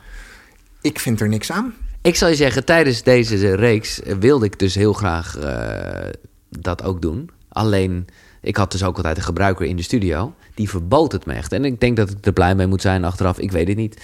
Maar het is nog altijd... Wat ik wel denk, ik zat laatst te denken... Dit is een crazy gedachte, maar het zal jou aanspreken of niet. Maar ik zat wel te denken... Zou je niet gewoon een heroïne-retraite moeten doen? Waarbij je gewoon weet... Ja. eh, Oké, je gaat het gebruiken, maar je, eh, helemaal in een soort setting. Maar sowieso, de dagen daarna word je min of meer een beetje soort vastgehouden. Want daar heb je voor, dat is graag wat je wil. Zodat je niet. Nou, we hebben een tijdje le- geleden een opium-retreat gedaan, maar Ah. zoals 1910. Oké. Dus in chique kleding, met lange pijpen, eh, met muziek uit die tijd. En dan een beetje wegdoezelen en dan in die, in die, in die trance komen. Dan is het een hele bijzondere ervaring. Ja. En het is ook helemaal niet zo gevaarlijk. Want heroïne is eigenlijk gevaarlijk voor mensen die, die in zwaar problematisch weer zitten. Ja, ja, ja. Dus mensen die eigenlijk al het leven niet aankunnen, die gebruiken het dan als escapisme, hebben dan geen geld meer, gaan dan, eh, gaan dan op de rooftour. Daarom heeft het een negatieve connotatie. Maar het is, het, het is voor bepaalde mensen heel verslavend. Maar ik- eh, iets heel, heel eerlijks anders. Elk mens heeft een andere gemoedstoestand. En elk mens heeft favoriete en niet favoriete drugs die bij die gemoedstoestand horen. Ik hou niet van wiet. Ik val in slaap en word misselijk. Vind het verschrikkelijke druk. Heel veel mensen vinden wiet heel lekker. Ik ben meer van de. eh, ik vind cocaïne ook niet heel lekker, want ik word er een beetje. eh, maar ik hou iets meer van. eh, nou, er- zijn boeken wat zoeter. Ja. En de 3MC wat zachter. Ik vind LSD nog wel eens lachen. Dus ieder heeft zijn pakket Ja, ja, ja. van voorkeuren. Ja. Dus we kunnen ook helemaal niet zeggen dat die druk voor iedereen gevaarlijk is. Of Nee. iedereen verslaafd Nee. raakt. Maar gewoon zoals product in de supermarkt. Je, je zoekt zelf wel uit wat bij je past. Nou, Kijk, en, en ik vind het wel een terechte vraag van... ja, Jochem, als we nou cocaïne op, in, de, in de apotheek aan gaan bieden... eh, wordt dat niet problematisch? Ja. ik denk het wel. Ja. Maar het heeft veel te maken is omdat, omdat we een samenleving hebben die heel onbewust is. Dus mensen vergrijpen zich aan iets om het leven aangenamer te maken. Mhm. Of uitzaaien tijden, of, of niet naar school te hoeven, of niet naar kantoor te hoeven. Ja. Dus ik ben het met je eens, maar ja, we zullen wel een stap moeten gaan maken Ja. ooit. Nou ja, en dat, ik, ik, ik, daarom vind ik het heel goed dat de dialoog op zijn minst eh, op gang komt. Eh, maar wat ik me nog wel even afvraag, eh, eh, zoals jij een beetje gewoon fijn aan het bedenken bent hoe dat beter zou kunnen. Op het moment dat jij dan zegt, bijvoorbeeld, nou, speed, laten we die nog wel op een verboden lijst zetten. Ben je daar niet bang dat vanwege het feit dat het verboden is, dat dan toch eh, een soort... Ja, ik heb geen idee hoe de mens uiteindelijk in elkaar zit. Maar gaan we niet gewoon altijd op zoek naar de verboden snoepjes? Dus hè, dan, dan zitten we in een wereld waarbij we ecstasy, coke... eh, nou ja, hè, dat allemaal vrij kunnen verkrijgen. Maar ja, dan gaan we toch op zoek naar de speed omdat het verboden is. Ja, eens. En, Ik weet het eh, niet, hoor. Nee, maar de- de- de- de- en dat zal ook gebeuren. Maar Ja. ja. dat doen we toch ook? Ja, Dat doe je nu toch ook? We, we- gaan allemaal vreemd. We Ja, gaan we, allemaal. We zijn allemaal stiekem in alle opzichten. Maar nogmaals, gaan we de verantwoordelijkheid bij jou weghalen? Of gaan we zeggen, Giel, je bent een grote jongen. ja, Je kan zelf heus wel met wiet stoppen. ja. En, eh, en kook, als je, we hebben het even- nageluisterd. Je werd gewoon een vervelend mannetje. Zullen we dat gewoon niet doen? ja. Maar dat kan jij Je bepalen. moet het zelf doen. Nee, dat vind ik echt Dus mooi. ik ben eh, heel erg van. Ik, ik ben heel erg tegen de overheid die denkt dat die wel even voor ons gaat zorgen. Ja, Ik wil graag voor mezelf zorgen en ik wil dat mijn kinderen voor zichzelf kunnen gaan zorgen. En dat ik, dat ik snap dat nu cocaïne vrijgeven, dat dat, een, dat dat best wel eens even heel pittig kan worden. En dat mensen heel erg in paniek gaan raken als eh 30% van de jeugd in de kook gaat. Maar ik ben van vertrouwen dat die daar ook wel weer uitkomen. Ja. Want op een gegeven moment, na zoveel kook, denk je ook van ja, dit is hem niet. En ik, Nee. eh, Nee, nee ik, ik geloof sowieso om het gewoon even breder te trekken. Ja, en dit is een voorbeeld, slaat nergens op, maar het schiet gewoon even in mijn gedachten. Ik ben ervan overtuigd dat het gewoon veiliger werkt op het moment dat je gewoon uitkijkt op een kruispunt. In plaats van dat je een beetje braaf die verkeerslichten volgt. Eh, ja, met nog, en tegenwoordig nog met van die mannen in gele pakken. ja, En dan nog een motoragent erbij. En Ja. dan nog een. eh, terwijl, een- terwijl kijk gewoon even. Kijk naar elkaar en oké, eh, nou ja, maak zelf je keuzes. Dat wil ik Nou ja, en kijk, dus merendeel van de mensen zullen zelf kunnen omgaan met deze dingen. Een klein stukje van de mensen gaat eraan kapot. Ja, Daar moeten we ons over ontfermen. Maar dat doe je niet door het te illegaliseren. Want die Nee. mensen hebben toch al toegang tot die middelen. ja, Op elke hoek kan ik toch al alcohol krijgen. Ik kan toch overal slaappillen krijgen. Ja. Ik kan, eh, mijn dealer is, ik, ik hoef maar één iemand te bellen en ik heb een dealernummer. ja. Dus- heeft, heeft eh, want jij noemt dit nu even en ik moet natuurlijk weer gelijk aan je moeder denken omdat je dat verhaal vertelde. Heeft dat ertoe geleid voor jou dat je gewoon ook heel erg zelf, misschien om pijn te verzachten, want ja, je moeder die zelfmoord pleegt, dat is nogal even wat. Eh, ben je zelf daardoor ook in deze wereld terechtgekomen? Nee, ik ben niet daardoor in die wereld terechtgekomen, want dat is nieuwsgierigheid. Ik heb wel veel ook gebruikt om Dat pijn te- te mij. Maar ik ja. vind de samenleving ook ondraaglijk. Ja. Ik vind werkelijk waar. ja, ik lach erom, maar het is... ja, het ik vind. Ik, eh, ik had gisteren met mijn vrouw nog over. Ja, we hebben dus een zoon in deze wereld gezet. Ja, En, en die mensen zijn de hele dag ons leven aan het afnemen. En de hele Welke mensen heb je het ja, de- Ja, gewoon, ja, ja. Alles wat zich regeert over de ander. ja, Even los van of het nou Rutte of wie. Ja, maar dit zijn een heel collectief. Die bemoeienis van de een op de ander. En de hele regels en straf en boetes en correcties en, en, en eh, gevangenisstraf. En dit- ik geloof daar gewoon niet Nee. in. Maar ik denk altijd wel, en ik, eh, je, je, je trekt ervan aan wat je zelf doet, weet je. Je kan daar heel erg mee bezig zijn en je er kwaad over maken. Je kan ook gewoon toch redelijk binnen je eigen Ja, bubbel maar toch ik heb leven. wel een sociëteit voor Ja. zelfrealisatie. En ik ben al een jaar niet open. Nee, nee. Dus we kunnen ons daar niks van Nee, aantrekken. En als ik om kwart over negen naar, huis, naar huis rijd... dan Ja. zegt even iemand tegen mij... wat een lul ik ben dat ik de kwetsbaren eh, vernietig. Ja. Dus ik, de, de, de- het raakt heel erg in een, in een harmonisch eh, mensbeeld... versus een repressief mensbeeld. En als je terugpraat naar drugs... in een harmonisch mensbeeld zijn die spullen beschikbaar... ontfermen we ons over elkaar, geven we elkaar advies... onderwijzen we elkaar. En als iemand verslaafd raakt, dan trekken we hem eruit. Ja, Dat doen we samen. ja. Maar echt samen. En dat kan een overheid niet, want een overheid heeft helemaal geen bevoegdheid om te voelen. Is niet empathisch van natuur. Nee. Ik, ik hou van jou en doen. houdt van mij. Dus als je ziet Ja. dat ik eh, de mist niet, als je ziet dat ik nu dronken naar huis rijd, zeg je Jochem, hier is een taxi. Ja. Gaan we gewoon even lekker niet doen. Dus die, dat zorgen voor elkaar en zorgen voor jezelf, dat moet geactiveerd gaan worden. Ja. ik vind het mooi. Dat vind ik echt mooi. Ehm, ik heb jou gevraagd, zoals ik aan elke gast vraag, eh, welke drie boeken jou op je reis als mens geholpen hebben. En ik ben heel benieuwd, want het kan bij jou alle kanten op gaan. Ik zie ze hier liggen, maar ze liggen eh, achterstevoren in willekeurige, willekeurige volgorde. Maar je begint met bullshit jobs. Nou, ik wil, ja, ik wil eigenlijk met deze beginnen. Oké, je begint. Ja, ik vind, ja. How Emotions Are Made: The Secret Life of the Brain van Ja. Lisa Veldman Barrett. Ja, ehm, ik ga even iets, ehm, een, een, een visie geven over wat ik denk dat er eh, problematisch is in hoe de mens zich verhandelt tot zijn emoties. Oké. Oké, dus er, op dit moment is er een materialistische, deterministische kijk op het universum. Dit vind ik technisch. Ja, dus ehm, eh, iets is kausaal en iets is materieel van aard. Ja. Ja, en alles is op te lossen daar, daarin. Dat is zo- zoals wij er nu Ja, heel erg in staan. Emoties passen in het huidige beeld ook zo. Jij bent boos en dat komt door mij. Ja, precies. Want ik heb gezegd dat je een lul bent. Ja, ja. Ja? Oké, ik snap waar je naartoe dus Heel goed. in plaats dat je zegt ik ben boos, hoe komt het eigenlijk dat ik boos ben? Ja. Ehm, ehm, schiet jij in een automatische verhandeling.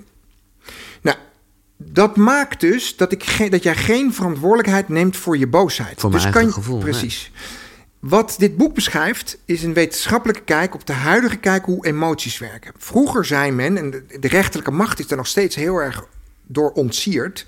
De rechterlijke macht denkt, als ik bij jou eh, ehm, spijt zie, Mhm. dan geef ik je minder straf dan als ik het niet zie. Want in de maatschappij hebben we een vergeldingsidee. Als jij mijn dochter iets aandoet, dan moet ik me vergelden richting jou. En de rechter gaat kijken in welke mate jij daar spijt van hebt. Maar wat blijkt wetenschappelijk, dat de rechter zo onbekwaam is in zijn eigen emotionele vorming of die van een ander, dat hij geen idee heeft. Hij lult maar wat raak. Nou, en dat, dat, dus, dat dus denken dat je meent dat ik weet wat jij voelt, Ja. Ehm, komt omdat wij alsmaar denken dat emoties deterministisch zijn. Ze zijn, ik boos is iets wat, wat is, komt door iets buiten mezelf en kan ik herkennen in jou of een ander. In haar boek beschrijft ze dat het een simulatie is. Wij moeten in, we lopen in een universum rond wat we niet snappen. We krijgen wat licht binnen, we ruiken wat, we voelen wat, we dromen wat en daar moeten we iets van bakken. En dat bakken doen we door gedachten te maken en door gevoelens aan te maken. En die gevoelens zeggen eh, wel met Jochem praten, niet met Jochem praten. Wel naar dat meisje gaan, niet Wel opstaan, niet opstaan. Wel een kind nemen, niet een kind. Het zijn allemaal gevoelens. En die gevoelens simuleren de werkelijkheid. En daar maken we dan gedachten bij om die verhandeling uit te leggen. Als dat zo is en je bent heel bekwaam in doorvoelen. Ik merk bij mezelf op dat ik dat gevoel had. Ik ben het gaan doen en het viel tegen. Het klopte niet. Dan pas ik mijn gevoelens aan. Dus hoe gevoeliger je wordt in het doorvoelen van je gevoelens, hoe genuanceerder je je denkpatronen gaat uitwerken door reden en logica, hoe geavanceerder je in het universum gaat opereren. Dus namelijk, je wordt super afgestemd. Dus loop je door dit universum heel erg afgestemd. En ineens on- ontsluiten dingen zich magisch, zijn de ontmoetingen mooi, is je angst neemt af, eh, ineens snap je waarom je te veel wiet rookt. Je wordt steeds afgestemder. Nou, dit is een grandioze andere kijk Ja. op emoties. En als je nu kijkt bijvoorbeeld naar de maatschappij, heel even het gekke voorbeeld van corona. Corona, we worden bang. In plaats van te voelen, we zijn bang, waar zijn we eigenlijk bang voor? Ben ik bang om dood te gaan? Ben ik bang om ongezond te zijn? Ben ik bang dat ik mijn oma verlies? Krijsen we naar de overheid, doe maar wat. Ga maar maatregelen nemen, want ik ben bang. Dus, want zij zeggen, ik heb angst en die angst komt door iets buiten mijzelf. In plaats dat we zeggen, ik ben bang, waarom ben ik eigenlijk bang? Ja. Nou, die, die leer van die emotionele leer is eigenlijk, dat vak mist ook. Ja. Op school, Zeker. overal. Niemand kent eigenlijk, is eigenlijk bekwaam om echt goed uit te leggen wat hij voelt. Eh, ik zou nog iets aan willen toevoegen. Wat, het, wat ik het nog mooier vind, is dat je, eh, dat je dan zelf eigenlijk niet bang bent, maar een emotie van angst Aanmaakt. komt over jou. Ja, precies. Ja, maak, je aan. Dus je wordt, je je bent aan het simuleren. Je maakt allerlei gevoelens Ja. aan om dan vervolgens te gaan uitproberen. Exact. En dan kom je erachter met je logica. Hé, hey, ik merk op dat ik, was, ik ben boos op Giel geworden. En hij zei, ja, maar sorry, maar eh, de, de- ik bedoelde dat niet zo. Dan denk ik, oh, ik ben onterecht boos geworden. Wacht even. Sorry, Giel, dat ik onterecht boos werd. Dan zeg ik, ja, het is goed, dan knuffelen we en heb Ja, ja, joint erbij. Ja. nee, dat doen we dus even niet. Dus dit is een categoriale andere kijk op emoties en menselijkheid. En als we dit gaan doorgronden, dan gaat die hele wereld transformeren. Fantastisch. Nou, dit is, ik ga dit boek zeker lezen. Ik hoop dat het ook in Nederlands is, want ik ben gewoon niet zo goed in Engels lezen, maar anders ga ik, het, ga ik er doorheen. Want dit is namelijk de essentie waar Koekeroe voor staat. Hè, mijn, mijn tagline is af en toe eh, niet zozeer om je beter te voelen, maar om beter te worden in voelen. Want dat is... Nou, d- Ik heb eh, jarenlang tantra gedaan. Kijk, Ehm, een, een driejarig opleidingscentrum voor tantra. ja, Daar deden ze niks anders dan waar voel je het, hoe voel je Ja. het, waar komt het vandaan, kan je het terughalen. Eigenlijk alleen maar blootleggen hoe je ervaart. want Dus- dat is... Dat, ik, ik ben zo blij dat je dit... eh, Ja, dat sta- dus ik ben... want ik- wat is, wat, is, wat is dan tantra volgens jou? Nou, in de mystieke leer is... Kijk, zij zeggen er zijn... eh, ehm, we leven in een fenomenaal universum. Dus niks is waar. Er bestaat geen moraal, maar wat er bestaat is ervaringen. We dromen, we voelen, we zien illusies, we denken. eh, eh, er zijn emoties. eh, ik heb sensaties over mijn huid. er zijn synchroniciteiten. Die dingen wil ik allemaal eigenlijk toelaten. Ja. Dus het toelaten van alles wat er is, is eigenlijk wat Tantra benadrukt. Ja. En het wordt ook wel vaak seksueel gehaald, maar het is Nee, alleen maar precies. omdat ze ook seksualiteit toelaat. Want ja, hoe, kijk, seksualiteit, eh, eh, als ik met jou een seksuele avance heb, hoe spannend, hoe gevoelig. eh, Daarvan weten we dat het iets mystieks is en we kunnen die verklaren. En dus is dat automatisch aan dit Precies. gevoel. Dus tantra is eigenlijk een soort leer van heel goed kunnen gaan leren voelen. En Ja. het is ook wel vrij Ja. poëtisch van aard. Mooi. Dus het zegt eigenlijk, maak je taal zo rijk mogelijk. Beschrijf het universum zo rijk mogelijk. Voel zo rijk mogelijk. En houd bij jezelf. Ja. Maar is het niet, want ik bedoel, de, de taal is toch altijd eh, be- een beperking in deze? Enorm. Ja. Alleen, ik moest laatst lachen. We hadden laatst eh, op de club een interview met Matthias de Smet. Het een, een, geleerde uit, eh, uit België. En die zei iets heel interessants over wetenschap. Die zei, de echte grote wetenschappers... die komen aan het einde van de reden. Dus de logica. Ja, ja, het wordt zo complex. En eigenlijk komen ze dan uit... dat de enige manier om het universum te beschrijven... is nog de poëzie. Want het wordt zo weird. In de kwantumfysica bestaat ja. tijd niet meer. Nee. En opeens gaan deeltjes gekke dingen doen. En eh, licht gaat daardoorheen, maar niet Ja. daardoorheen. Nee. En opeens bestaat het soms wel en soms niet. Dus het wordt poëtisch van aard. Nou, en ik denk dat de tantra, maar ook als je emoties goed gaat beschrijven... is eigenlijk fucking poëtisch. Ja, het is eh, wel mooi om het te proberen. Maar vooral fijn om het echt te voelen en te, doorvoelen en bewust te zijn van het ik gevoel. zeggen, geef poëzie op school. Geef het vak emoties op school. Geef het vak filosofie op school. Ja. Het vak logica op school. Ja. Vakken waar je dit leert. Nog even toch over de tantra en dan wel eventjes het seksuele gedeelte. We hebben het eerder gehad over nou ja, hoe tantra en drugs daarin eh, in een soort gelijke taboes weer zitten. En, en daardoor heel erg geframed worden eigenlijk in deze wereld. Ehm, hoe, eh, hoe, ja, ik zou bijna toch zeggen, hoe goed ben jij erin geworden om goed je gevoel te doorvoelen? En dus om heel erg te zijn met iemand. En, want het, het- het- ik zou er zo graag beter in worden.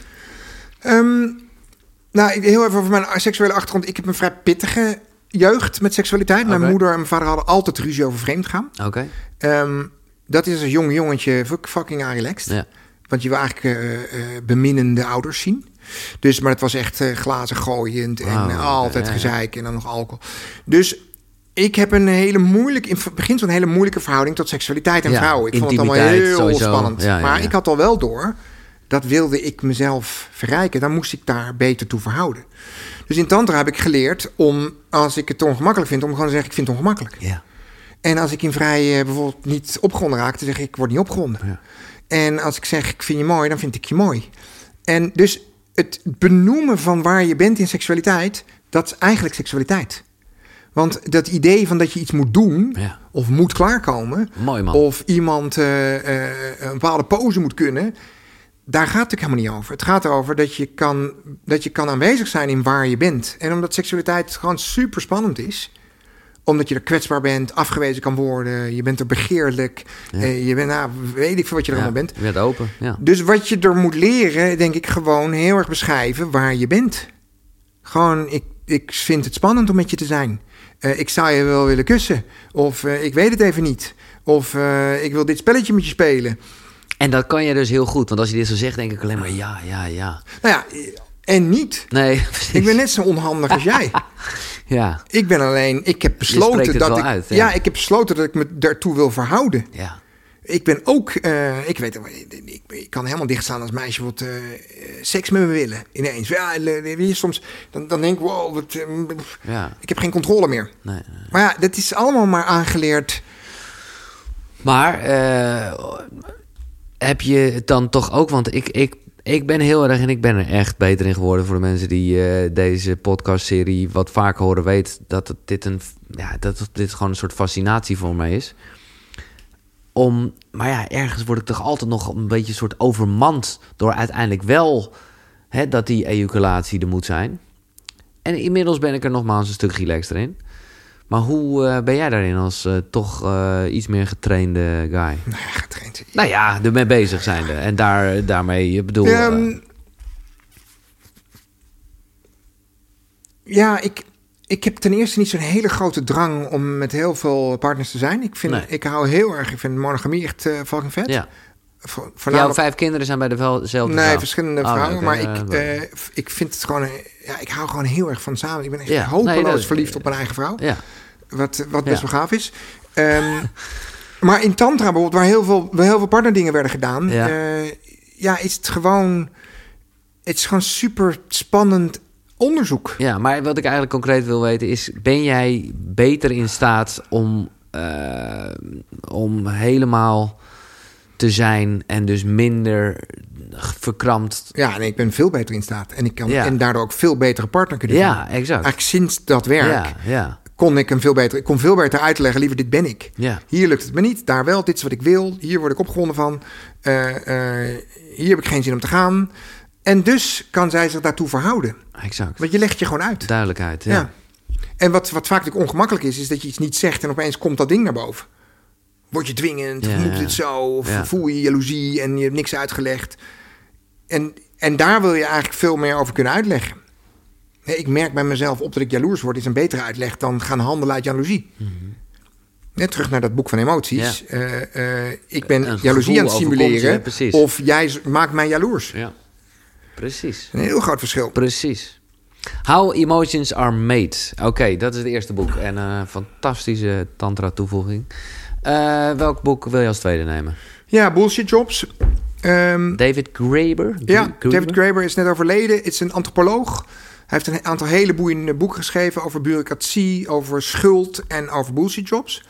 Met als eh, ondertitel over zinloos werk, waarom het toeneemt en hoe we het kunnen bestrijden. Ja.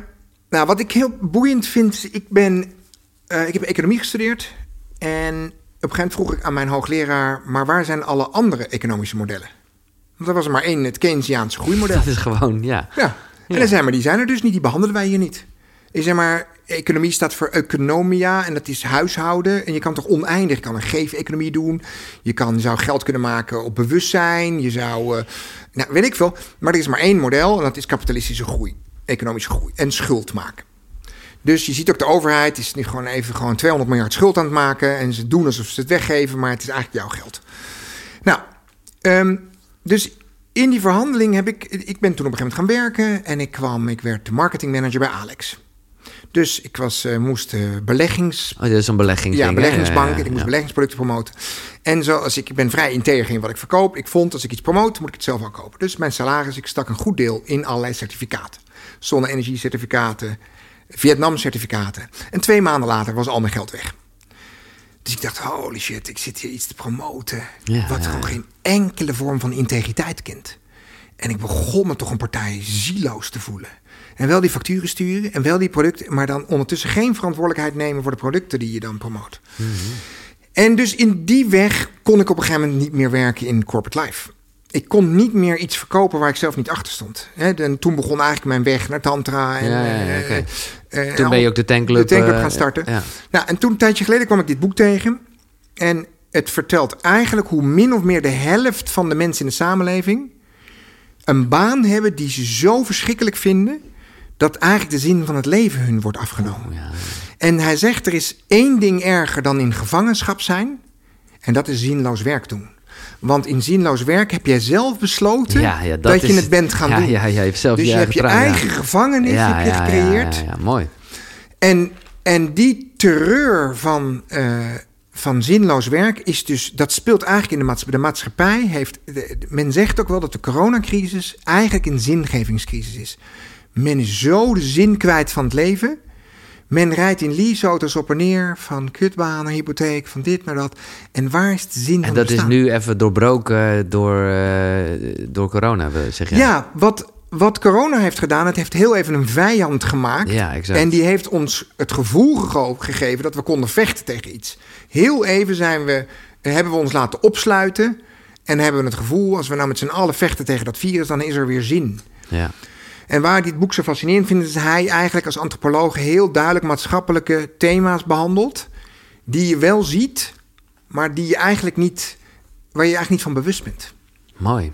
Dus een, ehm, ja, een groot, groot antropoloog. Ja, En ehm, hij heeft ook een boek over schuld geschreven. Hij heeft een boek over, dus over geld en schuld. Ja, ja, ja, en een ik. boek over eh, bureaucratie. Hoe we verslaafd zijn aan regeltjes. En Ja. eh, hoe, hoe gevaarlijk dat is. nou, Dus heel boeiend boek. ver- verfrissend, ja. En eh, het laatste boek, nou ja, dat is al een beetje besproken, maar ik weet niet waar dit boek over gaat. Het heet in ieder geval De Angst voor Vrijheid van eh Erich Fromm. Ja. Nou, dit, ik heb dit boek meegenomen. Mijn vader... eh, ik had best wel bijzondere ouders, ondanks de problemen. Mijn vader was filosofisch van aard. Oké. Klassicus. Ja, we hebben het helemaal niet tegen je vader is niet echt besproken. Nee, in de, Nee, mijn vader is, nou, was best wel filosofisch, luisterde veel naar Ja. klassieke muziek, heel integer. ehm, eh, en las dus ook veel klassieke werken. Dus eh, ik heb zelf ook een gymnasium gedaan hier om de hoek. Ja, Ehm, en hij gaf me op een gegeven moment boeken van Erich Fromm. En Fromm is een soort filosoof uit de jaren 50. En die behandelt eigenlijk allerlei thema's: liefde, eh, eh, vrijheid, de kunst van zijn, noem maar op. Ja, hij heeft allerlei thema's.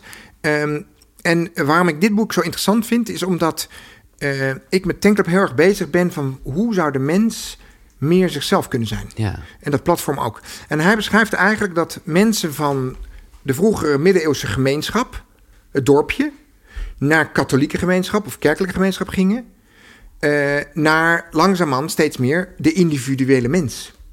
Maar wat beschrijft hij tegelijkertijd? In verlangen naar vrijheid ontstaat de angst Ja. tot vrijheid. ja. Eigenlijk vinden we het heel eng om vrij te zijn. Want als ik vrij ben, dan kan ik me nergens aan hechten. Want dan, dan kan jij, ben jij niet verantwoordelijk, is zij niet verantwoordelijk, kan ik niemand de schuld geven, maar ik ben vrij tot alles. Ik ben vrij tot de dood, ik ben vrij tot afwijzing, ik ben vrij tot mezelf, ik ben vrij tot mijn ervaringen. En daar zit zo'n diepe paniek in. En die paniek, eh, die kan je ook wel voelen. Ik krijg er zelf ook rillingen Ja, van als ja. ik het beschrijf. Die diep gewortelde existentiële paniek, die beschrijft hij eigenlijk. En dat doet Mooi. hij zo mooi, dat dat geeft me heel erg een houvast aan waar zijn we eigenlijk in de maatschappij. Nou ja, maar ik vind, ik vind het heel mooi dat je dit bespreekt, omdat ik recent daar, eh, nou ja, in een, in een, ja, een soort therapieachtige sessie een inzicht in had. Nou ja, dat gaat precies hierover.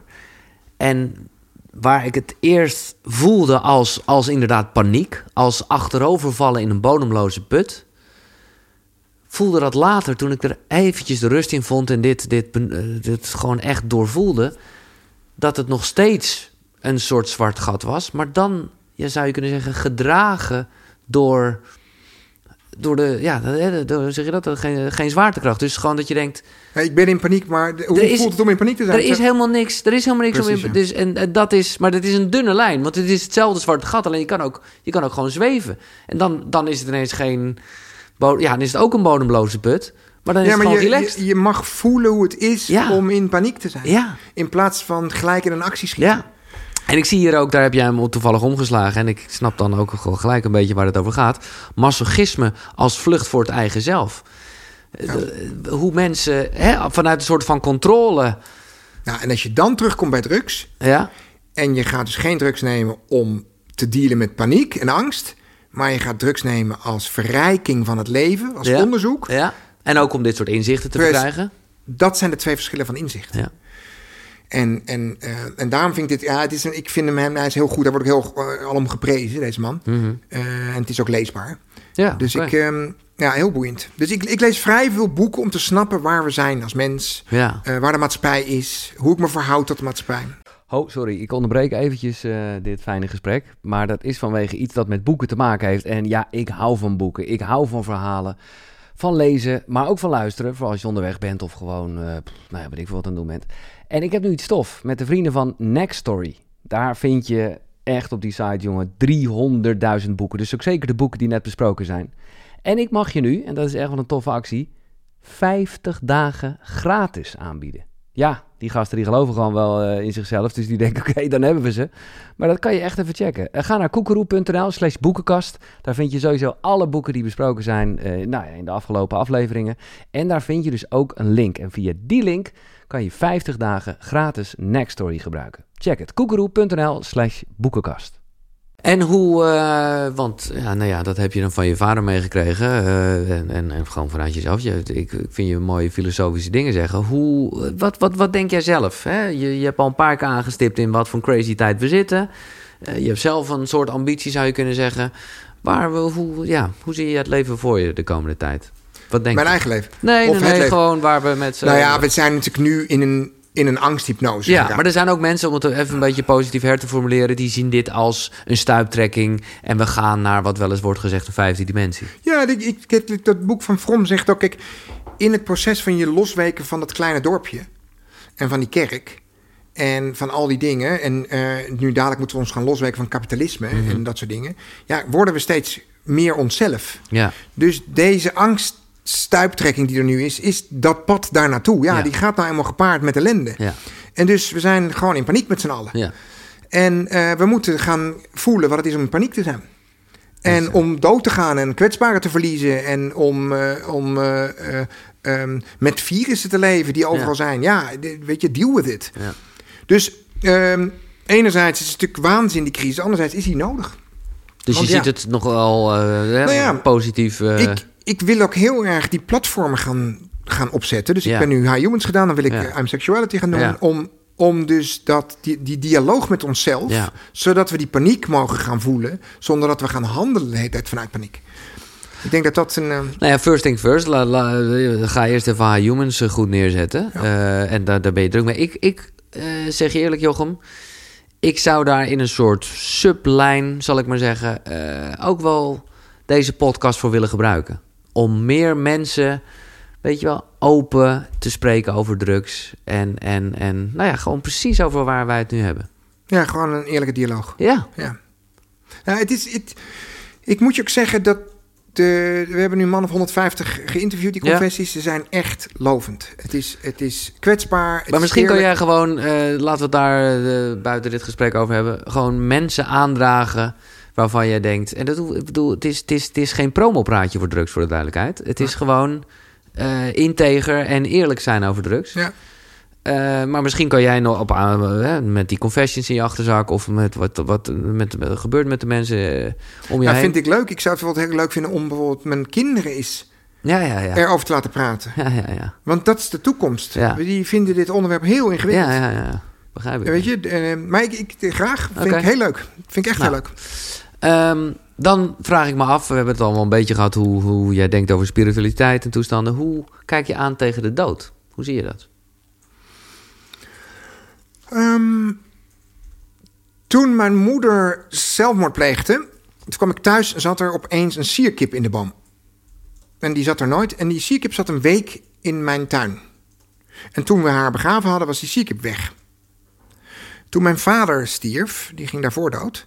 Toen paste er iemand op mijn dochtertje van één toen. En toen gingen opeens alle deuren klapperen. Ehm, ik kan het niet duiden, ik snap het niet. Maar ik heb wel het gevoel, ik heb een heel, eh, hele intieme band met de dood. Ik vind hem namelijk heel mooi. Ik vind namelijk de dood en de geboorte de enige twee momenten dat ik een soort alomvattende rust voel. Ja, denk ik soort zo- zekerheid van, ja. Is het enige plek waar niemand in discussie gaat met elkaar? Hey. Er is niemand die zegt, ja, die, maar goed, die dood is. Nee, ja, iedereen zegt, oh, hoe gaat het met je? Net Ja, als bij de geboorte nu met Hercules. Niemand is daarover in discussie. Nee. Dus eh, ik, ik kan je niet zeggen wat ik er precies van vind. Ik kan alleen je vertellen dat ik het ervaar als iets heel bijzonders. Ik heb ook wel het gevoel dat het veel alomvattender is dan je gaat dood en doei. Maar hoe, eh, als we daar gewoon even een beetje, we weten het niet, maar het is, ik vind het leuk om er een beetje over te Ja, filosoferen. ik, ik denk, eh, weet je, als je, het- als je het een beetje wiskundig of eh, natuurkundig bekijkt, dat alles trilling is. Dat eh, we in een verdichte trilling in het lichaam zitten. Dat als je doodgaat, dat die trilling uit elkaar valt. En dat je weer eiler wordt.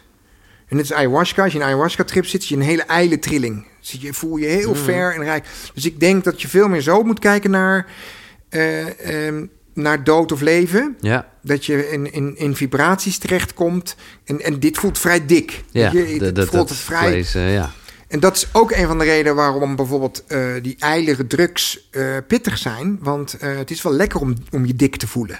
Mhm. Weet je? Het is als een grounded. Ja, het eh, voelt heel lekker kracht trainen, Ja, ja. lekker een beetje motorrijden. Voelt heel... Ja. Terwijl, Terwijl het juist ook wel goed is om er een beetje mee te spelen wat er Nou, gebeurt. maar het is wel eilig en het is wel fluïde. Ja, en het is wel, ja. weet je, ik heb dat, dat, eh, dat pand op de Nes hè, voor die sociëteit. Daar heb ik ooit een, eh, een begraafplaats gevonden uit de middeleeuwen. Vond ik honderd nonnen. Ah, daar was wel echt shit aan de hand. Ja, dat voel je wel. Ik, er waren wel dingen die bewogen, boeken ja. die open gingen. Dus, en ik ben dan niet dat ik denk, nou, zo zit het. Maar ik ontken het ook niet. Nee, We zitten er met z'n allen te kijken en de deur gaat open en dicht. ja. De, de wc wordt doorgetrokken, die, eh, er is niemand. Dus hoe het precies zit, weet ik niet. Maar ik geloof wel dat er, dat er heel veel meer aan de hand is. En ik denk, eh, je zou best kunnen zeggen dat we reïncarneren. ja.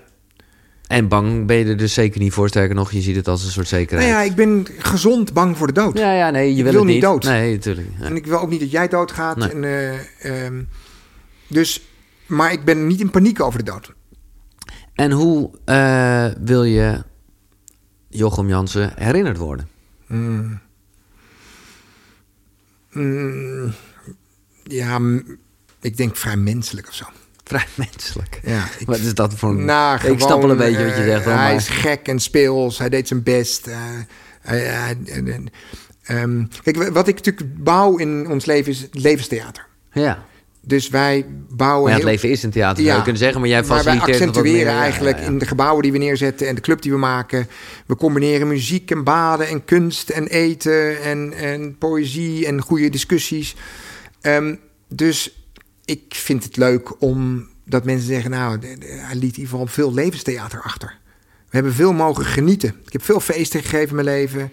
Echt, echt mooie feesten. Ik heb eh, ja, de prachtigste ontmoetingen. De, de- ik heb een, eh, nou, gewoon dat. Dat mensen zeggen, ja, het- wat hij achterliet was veel plek om te mogen ervaren. Ja. Nou, dan ben je goed bezig, toch? Dat is, dat is precies wat je aan het faciliteren bent. Ja, ja dat is ook, het voelt ook wel als ik op, op, op missie zit of zo. Ja. Ja. Ja, nou ja. Fantastisch, Jochem. Eh, wat zoals gezegd, ik, eh, ik denk dat de term ah, humans eh, nog wel vaker gaat vallen. Daar moeten we het gewoon even over hebben. Maar ik vind het een, ik vind het een, mooi, een mooi streven. Zeker met alle kanttekeningen die, nou ja, denk ik wel goed gemaakt zijn. Hè, want, want even, ik, zeg, kan het niet vaak genoeg zeggen. Want ik, ik weet dat er ook mensen zijn die misschien huilend dit gesprek beluisteren. Omdat ze gewoon denken, ja, maar, nou ja, wat jij ook hebt met je eigen moeder. Ik heb, ben er problemen. Ik ben in de problemen gekomen door drugs. Dus dan voelt het gelijk als een, oh nee, dat, eh, beperk dat. Ja, eens. Ik denk alleen dat de enige manier om te dealen met iets engs is door er toch contact mee te maken. En dat er dus mensen eh, de afgrond in glijden, zoals mijn moeder. Ja, ik, ben er, ik heb er heel lang over gehuild. Eh, maar het is wat het is ook. Ja. En ik had het anders willen zien. Het is net als met het gevoel, eh, laat het er gewoon zijn, bespreek het. Ja, ik denk dat we beter verbinding kunnen maken met de gevaren van het onderwerp. En dat we ons beter erover kunnen ontfermen. Ik denk ook als veel mensen zich ontfermen over elkaar, dat we het beter oplossen. Dat als je iemand in de put laat. eh, heel veel ouders hebben ook nooit een gesprek met hun kinderen over drugs. Nee. En horen dan opeens dat ze aan de drugs zitten. En raken dan in paniek. Ja, ja, Dit is duidelijk. ja. Super dank voor je tijd. Graag gedaan. Fijn om hier te zijn. Dankjewel. Eh, dit was Koekeroe. Meer informatie kan je natuurlijk vinden op eh, de website. Eh, dat is www.conti Koekeroe.